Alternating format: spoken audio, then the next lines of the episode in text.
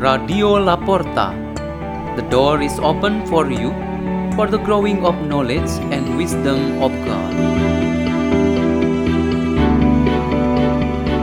Delivered by Father Peter Tukan, SDB, from Salesian Don Bosco Gerak in Labuan Bajo, Diocese of Ruteng, Indonesia.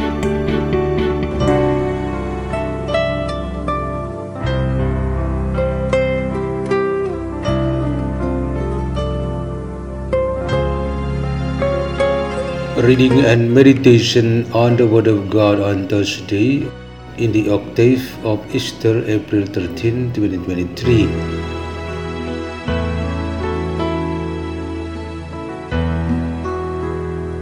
A reading is taken from the Holy Gospel according to Luke chapter 24, verses 35 to 48. The disciples of Jesus recounted what had taken place along the way and how they had come to recognize him in the breaking of bread. While they were still speaking about this, he stood in their midst and said to them, Peace be with you. But they were startled and terrified and thought that they were seeing a ghost. Then he said to them, Why are you troubled? And why do questions arise in your hearts? Look at my hands and my feet. It is I myself. Touch me and see, because a ghost does not have flesh and bones, as you can see I have. And as he said this, he showed them his hands and his feet. While they were still incredulous for joy and were amazed, he asked them, Have you anything here to eat? They gave him a piece of baked fish. He took it and ate it in front of them. He said to them, These are my words that I spoke to you while I was still with you, that everything written about me in the law of Moses and in the prophets and psalms must be fulfilled. Then he opened their minds to understand the scriptures, and he said to them, Thus it is written that the Christ would suffer and rise from the dead on the third day, and that repentance for the forgiveness of sins would be preached in his name to all the nations, beginning from Jerusalem. You are witnesses of these things. The Gospel of the Lord.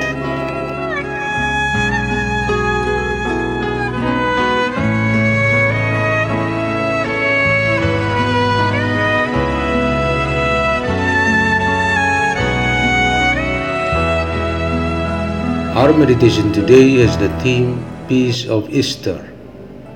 A series of apparitions of the risen Lord may be considered as Easter gifts. The encounters on various occasions really left also various stories and their messages. If we may say something of all these messages, the most central and important one should be the message of peace. When the eleven of the apostles gathered to share their stories about their encounters with the risen Christ, then followed by the two disciples who had just returned from Emmaus, a community of followers of Christ was formed, though they were still in great loss of the Master. This community was filled with a mix of things altogether, namely stories, belief, confusion, questions raised, and of course, sense of wonder. In the context of that community and togetherness, Jesus once again appeared in their midst and offered them a gift from his own words Peace be with you. This message of peace becomes the main point in Peter's preaching to the crowd after the miracle of healing a paralytic he performed. The miracle bore fruit along with a mix of feelings such as awe, wonder, suspicion, doubt, grateful, and believing. So Peter recalled the truth from the risen Lord in order to create peace, calmness, and security rather than to leave the situation out of control. The result was that many people could resolve their perception about what was being preached and came to believe in Jesus Christ. A message of peace from the risen Christ to the apostles who were confused, afraid, suspicious, and hard to believe, aimed to make them the true believers. Peace is able to eliminate all negative feelings and thoughts. Peace presents serenity, comfort, and joy in one's soul so that in the end, people will decide what is right to be followed and evil or false to be avoided. But sometimes the message of peace tends to be simply a theory and a sort of belief. This will make our life does not fully live in peace. The reason for this may be because efforts to create peace or to have some true living examples of peaceful life is hard to find.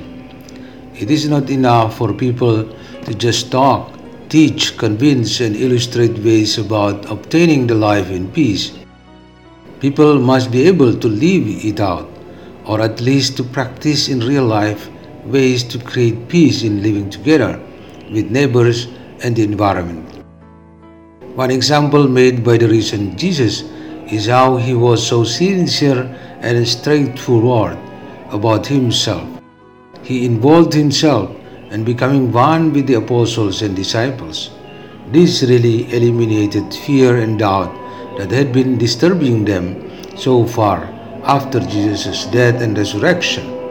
Because when doubt, fear, suspicion, lack of trust still exist in this life, peace will not find its place there. Let us pray. In the name of the Father, and of the Son, and of the Holy Spirit. Amen. Almighty Father, may your Spirit fill us with peace from you, that make us always rejoice in sharing the gifts from ourselves to others.